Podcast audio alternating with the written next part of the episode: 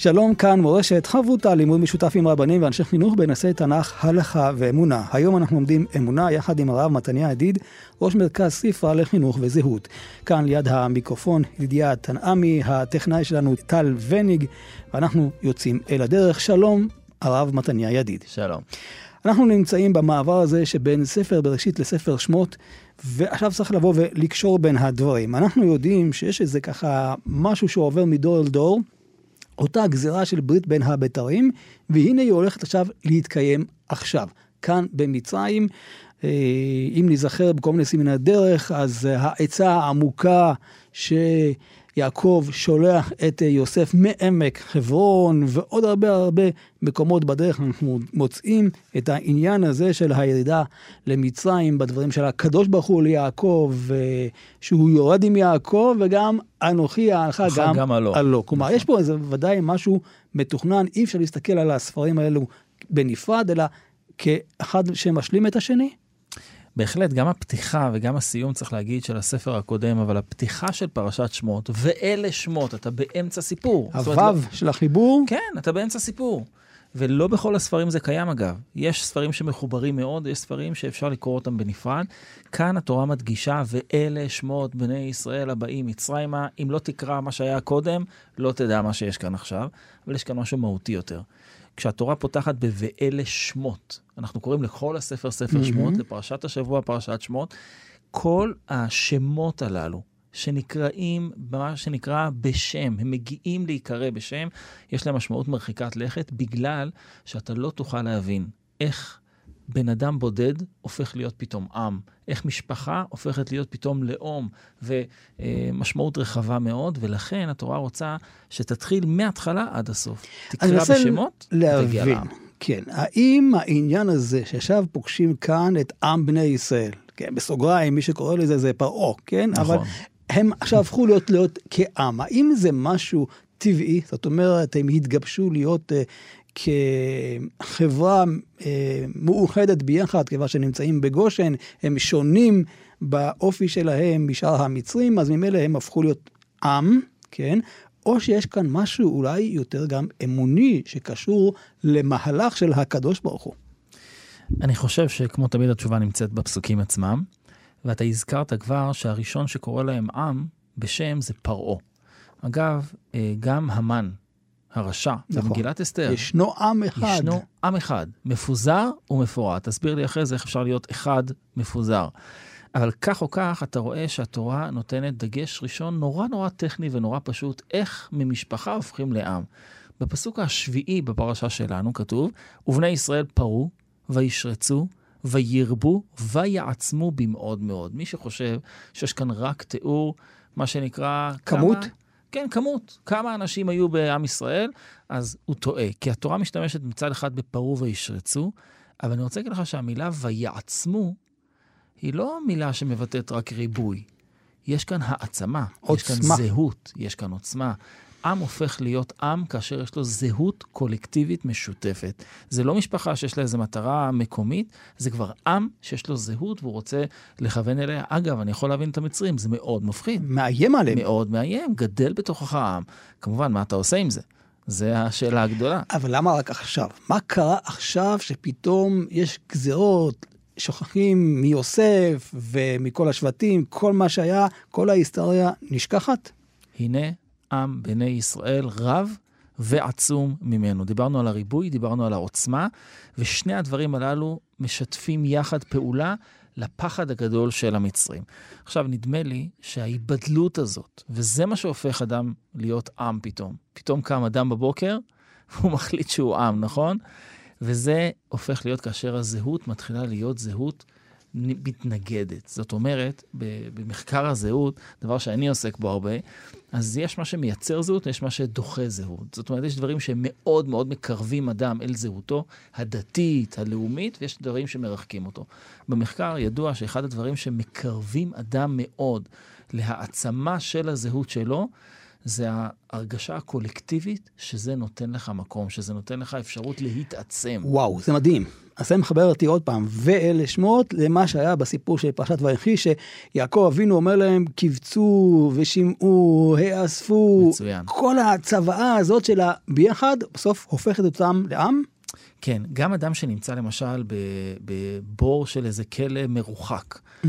אבל הוא יודע, אם אדם חטוף לא עלינו, כמו שאנחנו יודעים שקורה, אבל הוא יודע שיש מאחוריו עם, עם זהות שלא תוותר עליו והיא תשחרר אותו בסופו של דבר, זה יכול לתת לו כוח. למרות שכרגע הוא לבד וכולם mm-hmm. מסביבו אחרים. זאת אומרת, זהות זה משהו שיש בו עוצמה, שיש בו העצמה. ולכן כל הדבר הזה, כשאדם בונה לעצמו, למשפחתו את הזהות, הוא לא בונה אישיות משפחתית, הוא בונה זהות לאומית. והדבר הזה, יש לו כוח רב, שהוא לא רק פנימה, אלא גם החוצה, כמו שרואים כאן. הנה עם בני ישראל רב ועצום ממנו. הרב מתניה, אבל למה זה צריך דווקא לקרות במצרים, ולא בארץ ישראל? אני תמיד שואל את השאלה הזאת, מה קרה לשבטי ישראל שלא עצרו בזמן ועלו לארץ ישראל? ואני רוצה להחזיר לך בשאלה. היכן נכתב הספר החשוב ביותר בתורה שבעל פה? הוא נכתב בבבל. היכן נכתבו ספרי שו"תים, גאונים, ראשונים, אחרונים, נכתבו רובם בגלות.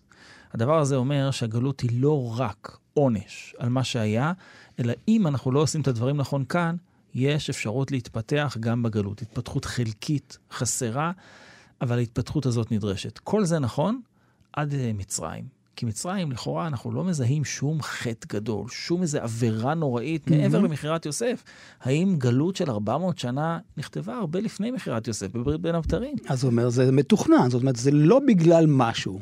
כדי להפוך שבט לעם, כדי להפוך משפחה לעם, וזאת שאלת האברבנל המפורסמת בפרשת השבוע שלנו, שראוי לכל ירא שמיים לשאול, מה בא ככה לעם הזה?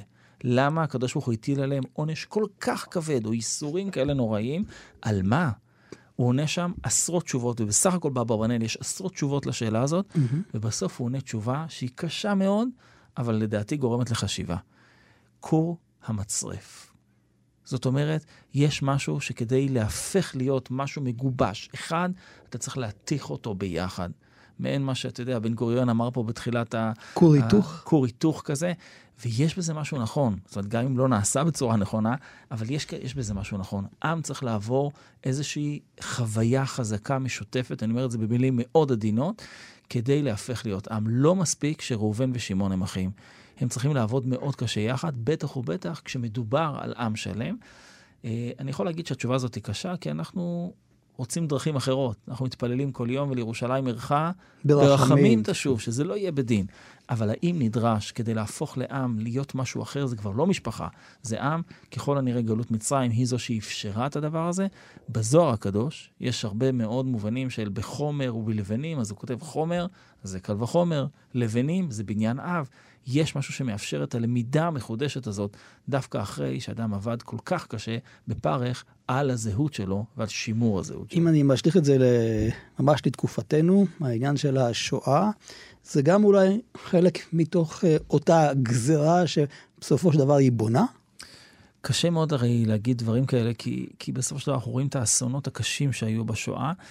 אה, ואני יודע שגדולי עולם, למשל הרב עמיטל, מאוד התנגן לעשות את הקישור הזה בין השואה למדינה, ועדיין במבט היסטורי קשה לו לראות איך הייתה שואה, וכמה שנים בודדות אחרי זה קמה מדינת ישראל. האם זה לא היה זרז, האם זה לא היה משהו שאפשר במידה מסוימת את הדבר הזה?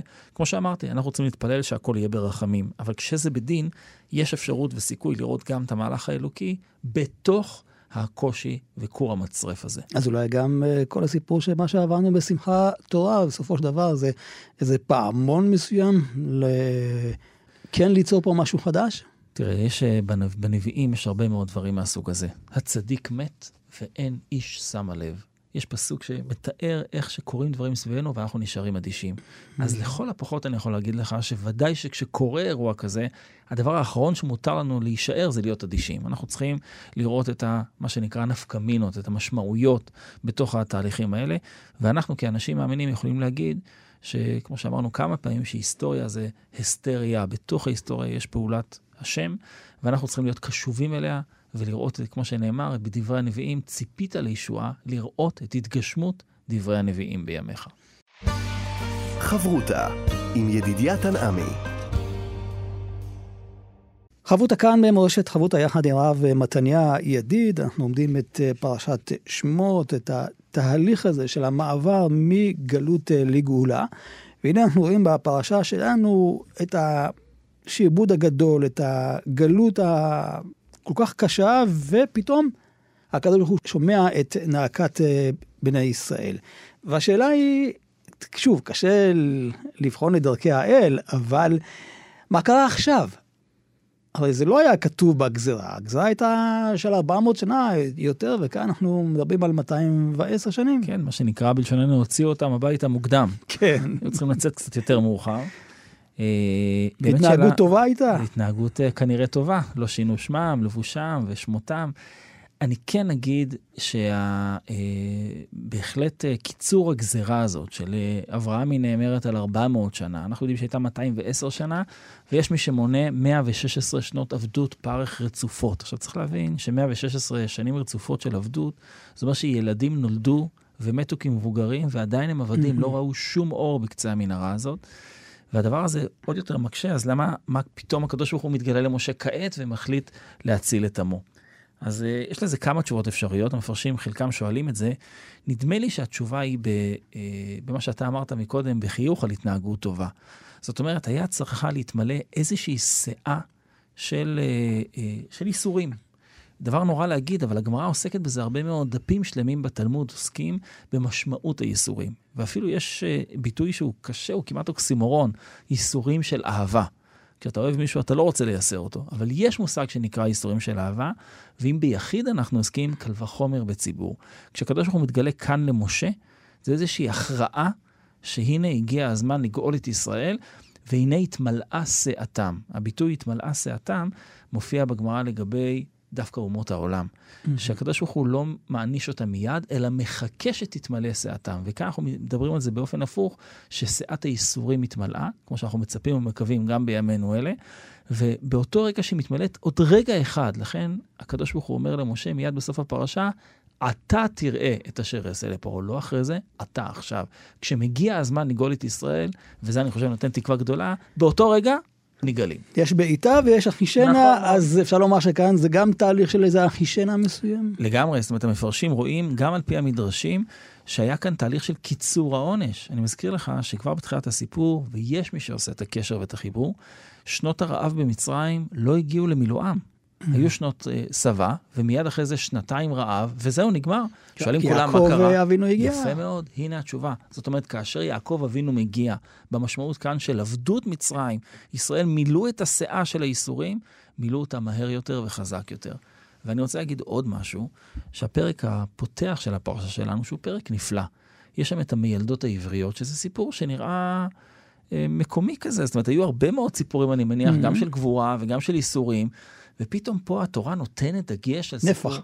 כן, זה אולי מראה לנו מדוע התקצרה שאת הייסורים.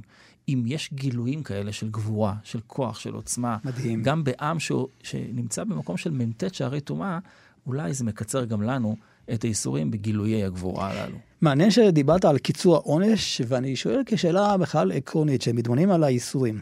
אפשר להגיד שזה עונש, או סיבה כדי לאחד את העם, או סיבות אחרות, זה לא עונש.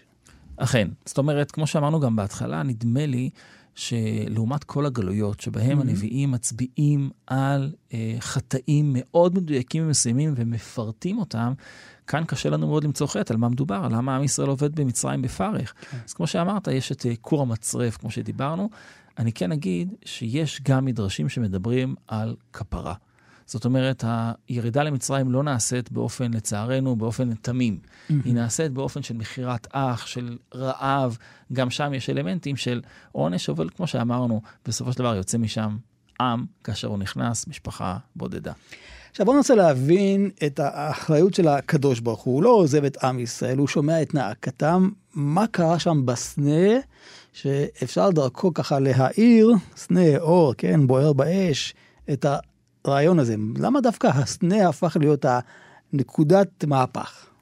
אז תמיד אומרים שהסנה זה צמח קוצני ונמוך, והקדוש ברוך הוא בוחר להתגלות דווקא שם, על מנת ש... אה, להגיד, עמו אנוכי בצרה. אני גם... עם הצבר. לא מתגלה, עם הצבר, בדיוק, אני לא מתגלה באיזשהו עץ מפואר או באיזושהי התגלות מרהיבה בקשת בענן, אני מתגלה בסנה הבוער באש. אבל אני רוצה לקחת אותך, הסיפור של הסנה הוא סיפור בעיניי הרבה יותר מיוחד מזה. ובעצם מבטא גם את ההשגחה האלוקית על משה רבנו עצמו. אני מזכיר לך, משה רבנו נמצא בגלות. משה רבנו לא נמצא עם משפחתו, לא עם העם שלו. אמנם הוא מתחתן, הוא מוליד ילדים, אבל הוא לא יכול לחזור למצרים. ומה הקדוש ברוך הוא בעצם אומר לו? אני רוצה קודם כל שאתה תחזור למצרים. ההתגלות בסנה מבטאת בשביל משה קודם כל את הדרך האיטית, הקשה, המורכבת, כמו השיח הקוצני הזה. קודם כל אתה תחזור, אתה צריך להאמין שאתה מסוגל לעשות את זה ולחזור למצרים, ואחרי זה גם תיגל את עם ישראל. יש פה שני שלבים, וכמו בהרבה סיפורים בתנ"ך, יש פה מימד אישי חזק מאוד של משה. Mm-hmm. עוד מעט נדבר על משה ואהרון, לא פשוט בכלל, ומיד אחרי זה, כך, כשהוא יעבור את התהליך הזה, הוא יכול גם לגאול את עם ישראל.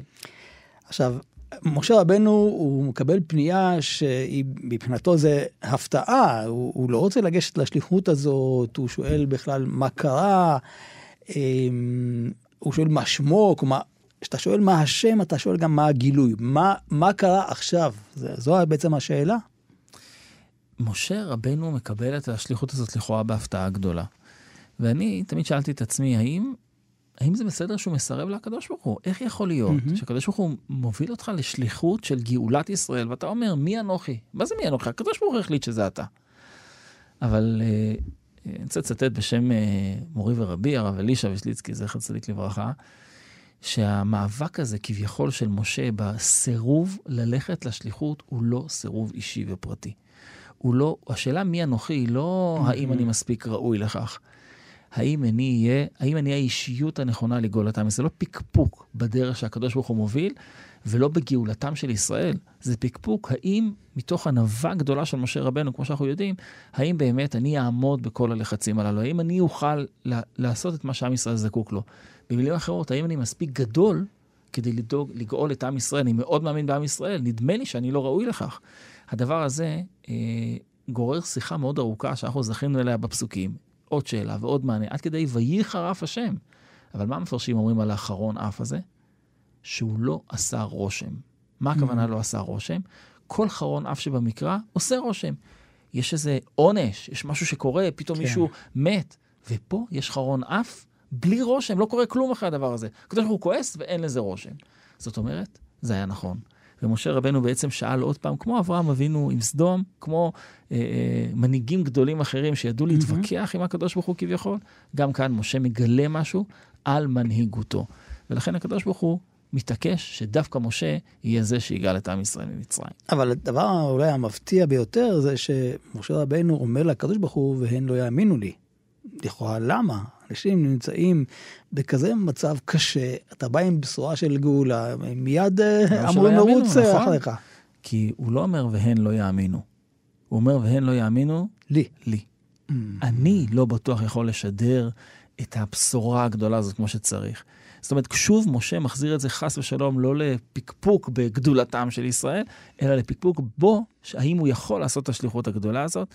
נדמה לי שכאן יש לזה מקום כאשר הענווה היא אישית, היא לא ענווה כלפי המציאות, הם לא מסוגלים, אלא אני כן. לא בטוח מתאים לדבר הזה. עכשיו, כל הסיפור הזה של יציאת מצרים הפך להיות איזה משהו לדגם לאנושות. והשאלה למה? האם באמת כי משה רבנו הוא סמל לאיזה מנהיג שמוציא עבדים, או שיש פה משהו שאולי גדול יותר כפי שפתחנו? תראה, הסיסמה המפורסמת של Let my people go, mm-hmm. של היכולת לשחרר ובעצם לשחרר עבדים. זה בעצם המשמעות הכל כך אוניברסלית של הדבר הזה.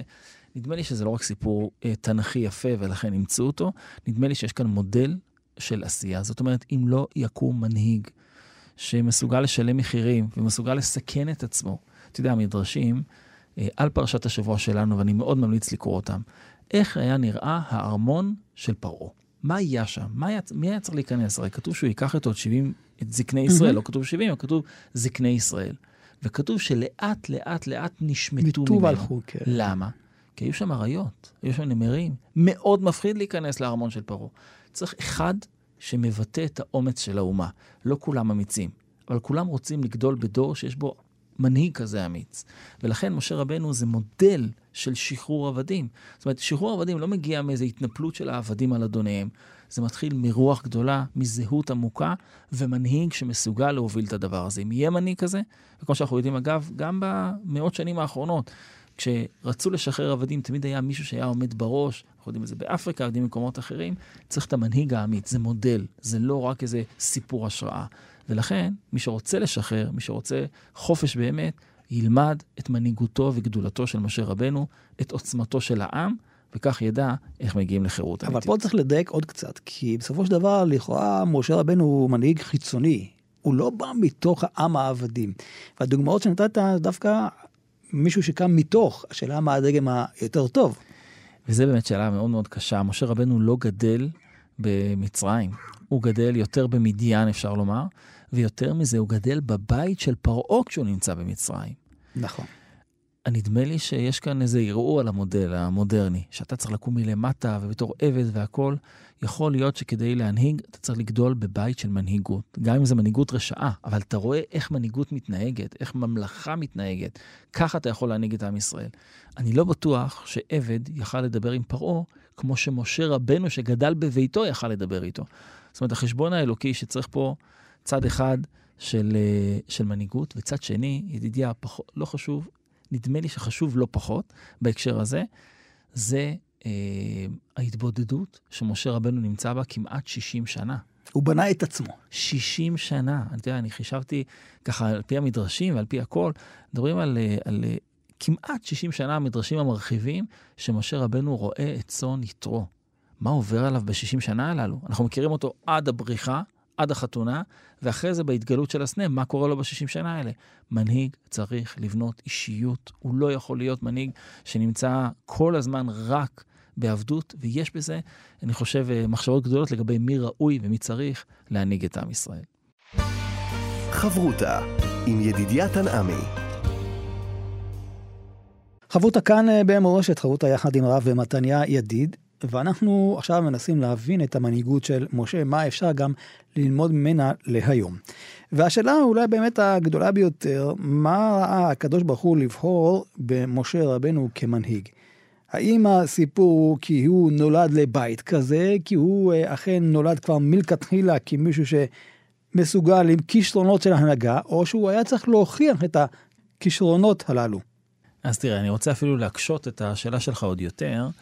כתוב uh, בלידתו של משה, ותר האישה, ותלת בן, ותרא אותו כי טוב הוא. עכשיו, מה זה ותרא אותו כי טוב הוא? איזה אימא לא רואה את התינוק שנולד הרגע ולא חושבת שהוא טוב? אז חז"ל הכי טוב אומרים, בעולם. הכי טוב בעולם, הוא הכי יפה, הכי טוב, הכי חכם כבר ביום הלידה, אין שאלה בכלל. ואז רש"י כותב, מה זה ותרא אותו כי טוב הוא? שנתמלא הבית כולו אורה. עכשיו, הטוב הראשון בתורה שנכתב על משהו זה על אור. ולכן ותרא אותו כי טוב mm. הוא, זה נתמלא הבית כולו אור. ואז אני שואל את עצמי, אם הבית נתמלא אור ברגע שהוא נולד, יודעים מיד שהילד הזה מיועד למשהו גדול. הוא, הוא, הוא, הוא לא עשה כלום, הוא רק בוכה עוד. הוא לא עושה שום דבר. אגב, אנחנו יודעים שהוא בוכה, נכון? כי היא פחדה להצפין אותו, היא כבר לא יכלה כן. להצפין אותו. ואיך זה, איך זה, איך זה יכול להיות? זאת אומרת, אם הוא נולד כמנהיג, הוא נולד כמשה רבנו, אז מה זה אומר על כל מי שלא נתמלא הבית כולו אורה? אגב, אני רוצה להבהיר שאין לי שום ספק שאם אני הייתי בבית הזה בלידה, לא הייתי רואה את האור הזה. Mm-hmm. זאת אומרת, יוכבד הנביאה היא זו שמסוגלת לראות את האור המופלא הזה. ואז בעצם אתה שואל, רגע, אם הוא נולד מנהיג, אז מה, מה זה אומר על מי שלא נולד ככה? והאם הכל מוסלל מראש, מה שנקרא?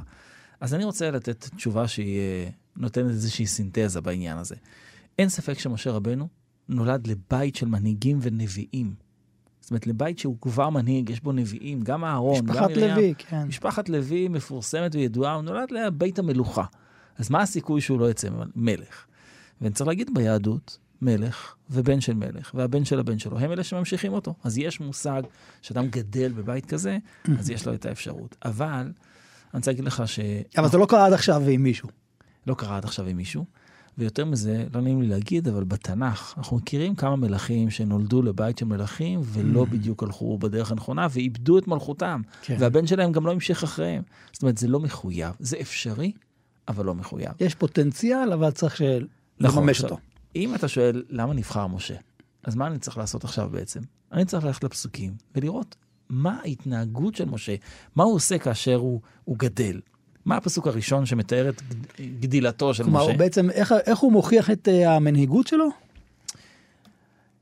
כן, ויותר מזה אני אגיד, האם, הוא, Mhm. האם אנחנו בתור לומדים, וזה מה שאנחנו כרגע, מזהים? מזהים את התכונות הנכונות. אם אני רוצה להיות מנהיג ב, על עצמי, על הבית שלי, על חברים, על משהו, האם המנהיגות שלי תבוא לידי ביטוי במשהו, מה אני צריך לעשות?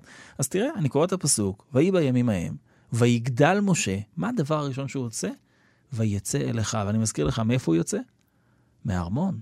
לא כזה ברור מאליו שיוצאים מהארמון כל כך כן. מהר. ואז כתוב, וירא בסבלותם. אני אקצר לך את כל הסיפור, ידידיה. חמשת הסיפורים הראשונים על משה רבנו בתורה שהוא עושה, הם אותו הדבר בדיוק. וזה מראה לי שאם זה קורה פעם אחר פעם אחר פעם, כנראה זאת התכונה החשובה כמנהיג. ומה זה התכונה הזאת? וירא בסבלותם. הוא רואה איש מצרי, מכה איש עברי. מיד הסיפור הבא, הוא רואה איש עברי, מכה איש עברי. ואז הוא נאלץ לברוח, נכון? מה הסיפור שמגיע מיד אחרי זה? הוא רואה את הבנות של יתרו, שהוא לא מכיר אותן ולא יודע מי הם, ויקו משה ויושיען. אם הייתי יכול להבין את המצרי שמכה עברי, ברור שהוא מתערב. עברי מכה עברי עוד יותר. אבל פה יש שני גויים שרבים ביניהם, מה אתה מתערב? והנה הוא קם, אגב, לא פחות ולא יותר, ויושיען, הוא המושיע. זה כמובן אמור לצלצל לנו מאוד מאוד מוכר. ואז הסיפור הרביעי, הוא מגיע אל הסנה, נכון? הוא מגיע אל הסנה, ואיך התיאור של הסנה מתחיל? ויאמר משה, עשו נא ואראה את המראה לראות, לראות, לראות ועוד פעם לראות. וואו. אם הייתי חושב שהתכונה המרכזית של מנהיג זה יכולת להוביל, זה יכולת לעמוד מהמם. כנגד, זה יכול... לא, זה לראות. מנהיג שרואה, גם ידע מה לעשות. זה לראות ולפעול, ונדמה לי שהתורה מדגישה פעם אחר פעם שזאת התכונה החשובה ביותר של מנהיג. משה רבנו עומד במבחן הזה, ולכן, אם אפשר לעשות איזה אה, משל בדבר הזה, כשהקדוש ברוך הוא מתאר את הפגישה המיוחדת של משה ואהרון, ועוד רגע. נדבר על זה, ורעך ושמח בליבו. גם אהרון רואה. אל תדאג, אתה לא הרואה היחיד. אגב, איך נקרא נביא בתנ"ך? רואה? הרואה, חוזה, צופה, לשון ראייה. מנהיג חייב לראות. אז משה רבנו מוכיח את עצמו כאן בעשייה, ולכן הקדוש ברוך הוא בוחר בו, או שאפשר להגיד שבעצם באופן טבעי זה היה צריך לקרות. גם וגם, כמו שאמרנו. זאת אומרת, כיוון שהקדוש ברוך הוא רואה בו פוטנציאל של מנהיג, ונותן לו את המנהיגות, אנחנו יודעים שהקדוש ברוך הוא נתן לשאול את המנהיגות. נתן להרבה מלכים אחרים, והם אה, לא ידעו מה לעשות איתה. לעומת זאת, משה רבנו לוקח את המנהיגות הזאת, את התכונות האישיות האלה, הגנטיות כמעט שלו, ומצליח ל- אה, לעשות איתם עבודה ולהיות פתאום המנהיג של עם ישראל. עכשיו, מה קרה פתאום שצריך לצרף את אהרון? אם משה הוא המנהיג הטבעי, למה הוא צריך עוד איזה סיוע? האם יש כאן איזו אולי הנהגה משותפת שהיא זקוקה כרגע לעם ישראל? תראה, הפרק הראשון במסכת אבות עוסק בהנהגה של זוגות, Mm. נשיא ואב בית דין, הלל ושמאי. נכון. אנחנו יודעים שיש פה אה, מנהיגות מאוד נדירה של שני מנהיגים שמובילים את האומה, ובעצם הראשונים היו משה ואהרון. זאת אומרת, הקדוש ברוך הוא אומר, אתה אומר שאתה לא יכול לבד, שאתה מגמגם, שאתה לא מסוגל, אני אתן לך עוד מישהו. אבל אז, כמו שהזכרנו, הקדוש ברוך הוא אומר לו, ורעך ושמח בליבו. התורה מדגישה את זה שמשה לא יכול לראות ללב, אבל הקדוש ברוך הוא אומר לו, הוא יראה ללב. למה? כי רש"י אומר בשם הגמרא, לא כשאתה סבור שיהיה מקפיד עליך שאתה עולה לגדולה. לא רק שהוא לא מקפיד, הוא שמח באמת בליבו. אגב, למה זכה אהרון בזכות הדבר הזה? ומשם זכה אהרון לעדי החושן, עדי זה תכשיט, לתכשיט החושן הנתון על הלב. זאת אומרת, מנהיגות משותפת יכולה להיות רק כשהלב של שני המנהיגים באמת שלם עם המנהיגות המשותפת הזאת. אני חייב להגיד שבעולם הישיבות, יש הרבה מאוד ישיבות שיש להם שני שני, ראשי. ראשי ישיבה, לפעמים אפילו יותר. זאת אומרת, עם המנהיגות המשותפת הזאת, הלב שלם עם הדבר הזה, ובאמת אוהב את זה, ורעך ושמח בליבו, זה מה שמתאפשר. אגב, אני חייב להגיד שאם הדבר שהכי מפחיד אותנו בעם ישראל זה מחלוקת, הנהגה משותפת ולב אחד יכולים בהחלט לעשות את העבודה של הייחוד המיוחל כל כך. אבל אני רוצה עוד קצת להבין את הדברים. כי בדרך כלל היום כשעושים שניים זה כי יש מחלוקת ואין ברירה, אז בואו נעשה איזה משהו ביחד, והמחלוקת נשארת בפנים בתוך הקבינט. אבל כאן נראה שמשה מבין שיש לו אולי תכונות שחסרות לו בהנהגה, ולכן הוא מבקש גם את אהרון. כלומר, יש כאן הנהגה שהיא מושלמת, משלימה אחד את חברו. נכון, אנחנו יודעים שהתכונות השונות של משה ושל אהרון, אם משה זה ייקוב הדין את ההר, mm-hmm. הוא יותר תקיף, הוא יותר uh, יכול להוביל את העם בדרך קשה יותר, אהרון אוהב שלום ורודף שלום. שתי התכונות הללו, שנמצאות אצל מנהיגות אחת, וזה הדבר החשוב. אני רוצה להזכיר לך שבתולדות ישראל היו הרבה פעמים, הרבה מאוד פעמים, מנהיגות אחת שכשלה. והרבה פעמים מנהיגות זוגית שהצליחה. ולהפך כמובן. המדד לדבר הזה, שכשאתה מוציא עם ישראל ממצרים, כשאתה עושה תהליכים גדולים, הקדוש ברוך הוא מנחה אותנו ואומר לנו, כשאחד mm-hmm. ייקח הכל על עצמו, זה דבר פחות טוב. לך אל אהרון, תעשו את זה ביחד, תיכנסו אל פרעה. הזכרנו מקודם שהזקנים, נכון, נשמטו לאט-לאט, אהרון הולך איתו עד הסוף. וצריך להגיד שגם בסוף הדרך, מי שייפרד מאהרון ברגע האחרון, זה יהיה משה רבנו. הם יתחילו ביחד, הם יסיימו ביחד, וזו אולי המשפחה הנפלאה. צריך גם להגיד ולהזכיר, אומנם זה, אנחנו מדברים על אנשים גדולים, משה הוא הקטן בבית. נכון. אהרון ומרים הם האחים הגדולים. ורעך ושמח בליבו, זה אמיתי וזה גדול, וככה מנהיגות יכולה להצליח.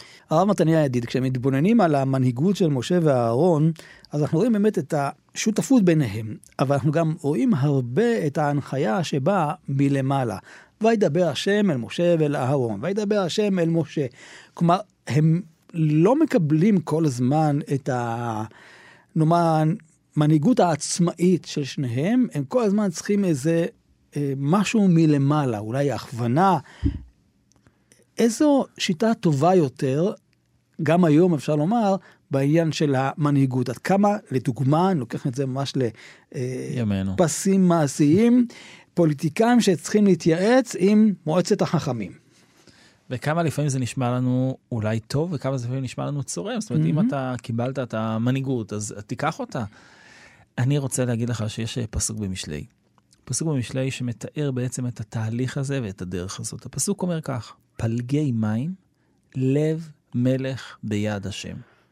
פלגי מים פירושו הקדוש ברוך הוא, כמו שקל מאוד להטות מים מצד אחד לצד השני, רק תסיט טיפה את המחיצה והם כבר ילכו לצד השני. לב מלך ביד השם, על כל אשר יחפוץ יתנו. אנחנו צריכים לזכור שכשאנחנו בוחרים הנהגה, ההנהגה הזאת, אתה יכול לכעוס עליה, אתה יכול להגיד היא לא בסדר, אתה יכול מה שאתה רוצה. אבל צריך לזכור שההנהגה היא בצמוד למה שהעם נתון בו ומה שהקדוש ברוך הוא רוצה. אתה רוצה הנהגה טובה? תשפר את העם. אתה רוצה הנהגה טובה? תתפלל אל השם. וכאן יש, אה, יש מדרש שאומר, רבי ישמעאל אומר, וזה מדרש נפלא, מה המים הללו? כשאתה נותן בכלי, אתה מטה אותם לכל צד שאתה רוצה, mm-hmm. קח בשר ודם שעולה לגדולה, ליבו נתון ביד הקדוש ברוך הוא. אבל אז ממשיך המדרש, אם זכה העולם, אם העולם ראוי לכך, אז מה קורה? הקדוש ברוך הוא מטה ליבו של מלך לגזרות טובות. זאת אומרת, ההנהגה היא כפולה. אנחנו תמיד נותנים את אה, ידינו על המנהיגים ועל כן. המלך, אנחנו אלה שמנהיגים אותו. ולכן אפשר לכעוס הרבה על ההנהגה, אבל יכול להיות שכשאנחנו נשתפר, גם ההנהגה שלנו תהיה הרבה יותר טובה. אבל איפה פה האחריות? הזכרת מקודם את שאול, אז הנה, אתה רואה אדם טועה, והקדוש ברוך הוא נותן לו לטעות. נכון. והבחירה החופשית נתונה גם ביד המלך. אבל הזכרנו, ואני חושב שגם בתנ"ך אפשר לראות את זה, המהלך ההיסטורי מנווט, מכוון. Mm-hmm. הכללי. הכללי. המלך, גם אם הוא צדיק גדול כמו יאשיהו, צדיק mm-hmm. גדול, לא יוכל להטות את המהלך ההיסטורי של חורבן בית ראשון. וגם אם המלך הוא רשע גדול, יכול להיות שהקדוש ברוך הוא עדיין יעשה טוב, כמו שאחאב היו יורדים למלחמה ומנצחים. זאת אומרת, לב מלך ביד השם, הבחירה החופשית עדיין נשארת, והקדוש ברוך הוא מכוון את ההיסטוריה. יש לזה הרבה מאוד, התנ"ך בעצם כולו בא להגיד שהמעשים שלנו משפיעים על מהלך ההיסטוריה, וגם הקדוש ברוך הוא בתפילותינו, במצוותינו, בבקשותינו, יכול להטות את המציאות לדרך טובה בעזרת השם. חברותה עם ידידיה תנעמי חברותה כאן אה, במורשת, אנחנו לקראת אה, חתימת התוכנית, רוצים אה, לשמוע עוד איזה סיפור, רעיון, השראה, הרב מתניה ידיד. אז כן, אני רוצה לתת סיפור הפעם, לא סיפור חסידי ולא סיפור על גבורה בקרבות או במלחמה, אלא סיפור גבורה יומיומי ומנהיגות יומיומית שמתבטאת דווקא במקום עבודה. אה, אתה יודע, כולנו עובדים אה, במקומות עבודה, ואתה תמיד רוצה להתקדם או לקבל העלאה בשכר, או שאתה רוצה... אה, כולנו באיזשהו מתח סביב העניין הזה של מי יקבל, מי ילך, מי... כל הדברים הללו. ושמעתי לאחרונה סיפור, כמעט ממקור ראשון, על סיפור מנהיגות בהקשר הזה. אתה יודע, אדם שנמצא בעמדה מאוד בכירה בחברת הייטק. ומה לעשות, יש קיצוצים וצריך לפטר. אבל חלק מהארגון המחודש באותה חברה היה שחלק מפטרים ולחלק מעלים את השכר. זאת אומרת, הם רוצים להתארגן מחדש ולתת יותר אחריות, ולכן uh, מארגנים מחדש. והיה שם אדם יחסית מבוגר באותה חברה, ששנים רבות עובד uh, במחשבים, ודווקא מאוד מאוד מוצלח, והחברה מאוד מרוצה מהביצועים שלו. אבל הוא עוד כמה שנים יוצא לפנסיה, ולכן אמרו, אותו מצד אחד לא נפטר, מצד שני, גם אין סיבה לעלות. והמנכ"ל החליט ואמר, הוא לא נעלה לו את השכר, למרות שבכל הפרמטרים הוא עמד ומגיע לו העלאת שכר, אבל הוא לא יקבל, הוא לא יעזוב אותנו כי הוא נמצא שלוש שנים לפני הפנסיה, והוא גם לא יתלונן. אז אותו, עליו אפשר לוותר. ראש המחלקה של אותו אדם שמעה את הדברים האלה. והלכה לבית שלה, וישבה ועשתה את הרשימות למי מעלים, מי מפטרים, מי הכל. חזרה למנכ"ל הזה ואמרה לו, תשמע, האדם הזה עושה עבודה מצוינת. אדם שכולנו אוהבים. לא יכול להיות שדווקא לו אתה לא מעלה שכר. והמנכ"ל עומד על שלו ואומר, לא, אנחנו לא נעלה לו, אין סיבה, זה, אנחנו בקיצוצים והכול.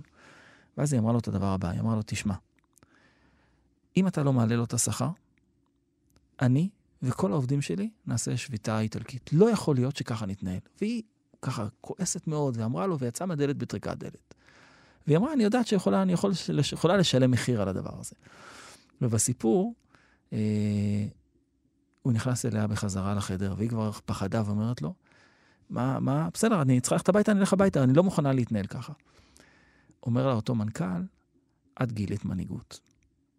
הנה, את נלחמת על העובד שלך. לא רק שאת לא עשית דבר רע, עמדת במבחן. כי ידעתי שאת, חשוב לך כל כך העובד הזה, כל כך רצית שהוא יצליח. והנה עכשיו את נאבקת וגילית מנהיגות. המנהיגות שאנחנו מדברים עליה הרבה פעמים קשורה במילה אומץ. האם אנחנו מסוגלים לגלות מנהיגות גם כנגד לפעמים המשפחה שלנו? כשאנחנו יודעים שהם עושים דבר לא נכון, אנחנו עומדים כנגדם ואומרים, זה הקו האדום שלנו. נדמה לי שגם המנהיגות התנ"כית קשורה בדבר הזה. כשאליהו הנביא צריך לעמוד בפני העם ולהגיד לו ולומר להם, אתם פוסחים על שני הסעיפים. סוף סוף הם מקשיבים לו ויכולים לעשות את הדבר הזה. אני חושב שמנהיגות בהחלט מתחברת ממש לעבודת היום-יום שלנו. מה הם הקווים האדומים שלנו, מה אנחנו לא מוכנים לעשות, מה אנחנו כן.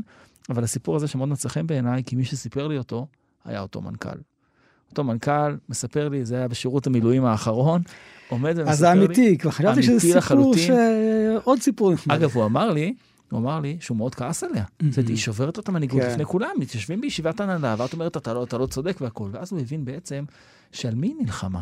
היא נלחמה על עצמה, על השכר שלה, לא. היא נלחמה על עובד שלה. וזה גילה לה מה זה בעצם מנהיגות. הרב מתניה ידיד, תודה רבה לך. תודה. כאן, ידידיה תנעמי, אנחנו עוד נשוב וניפגש בחברותה הבאה. חברותה עם ידידיה תנעמי.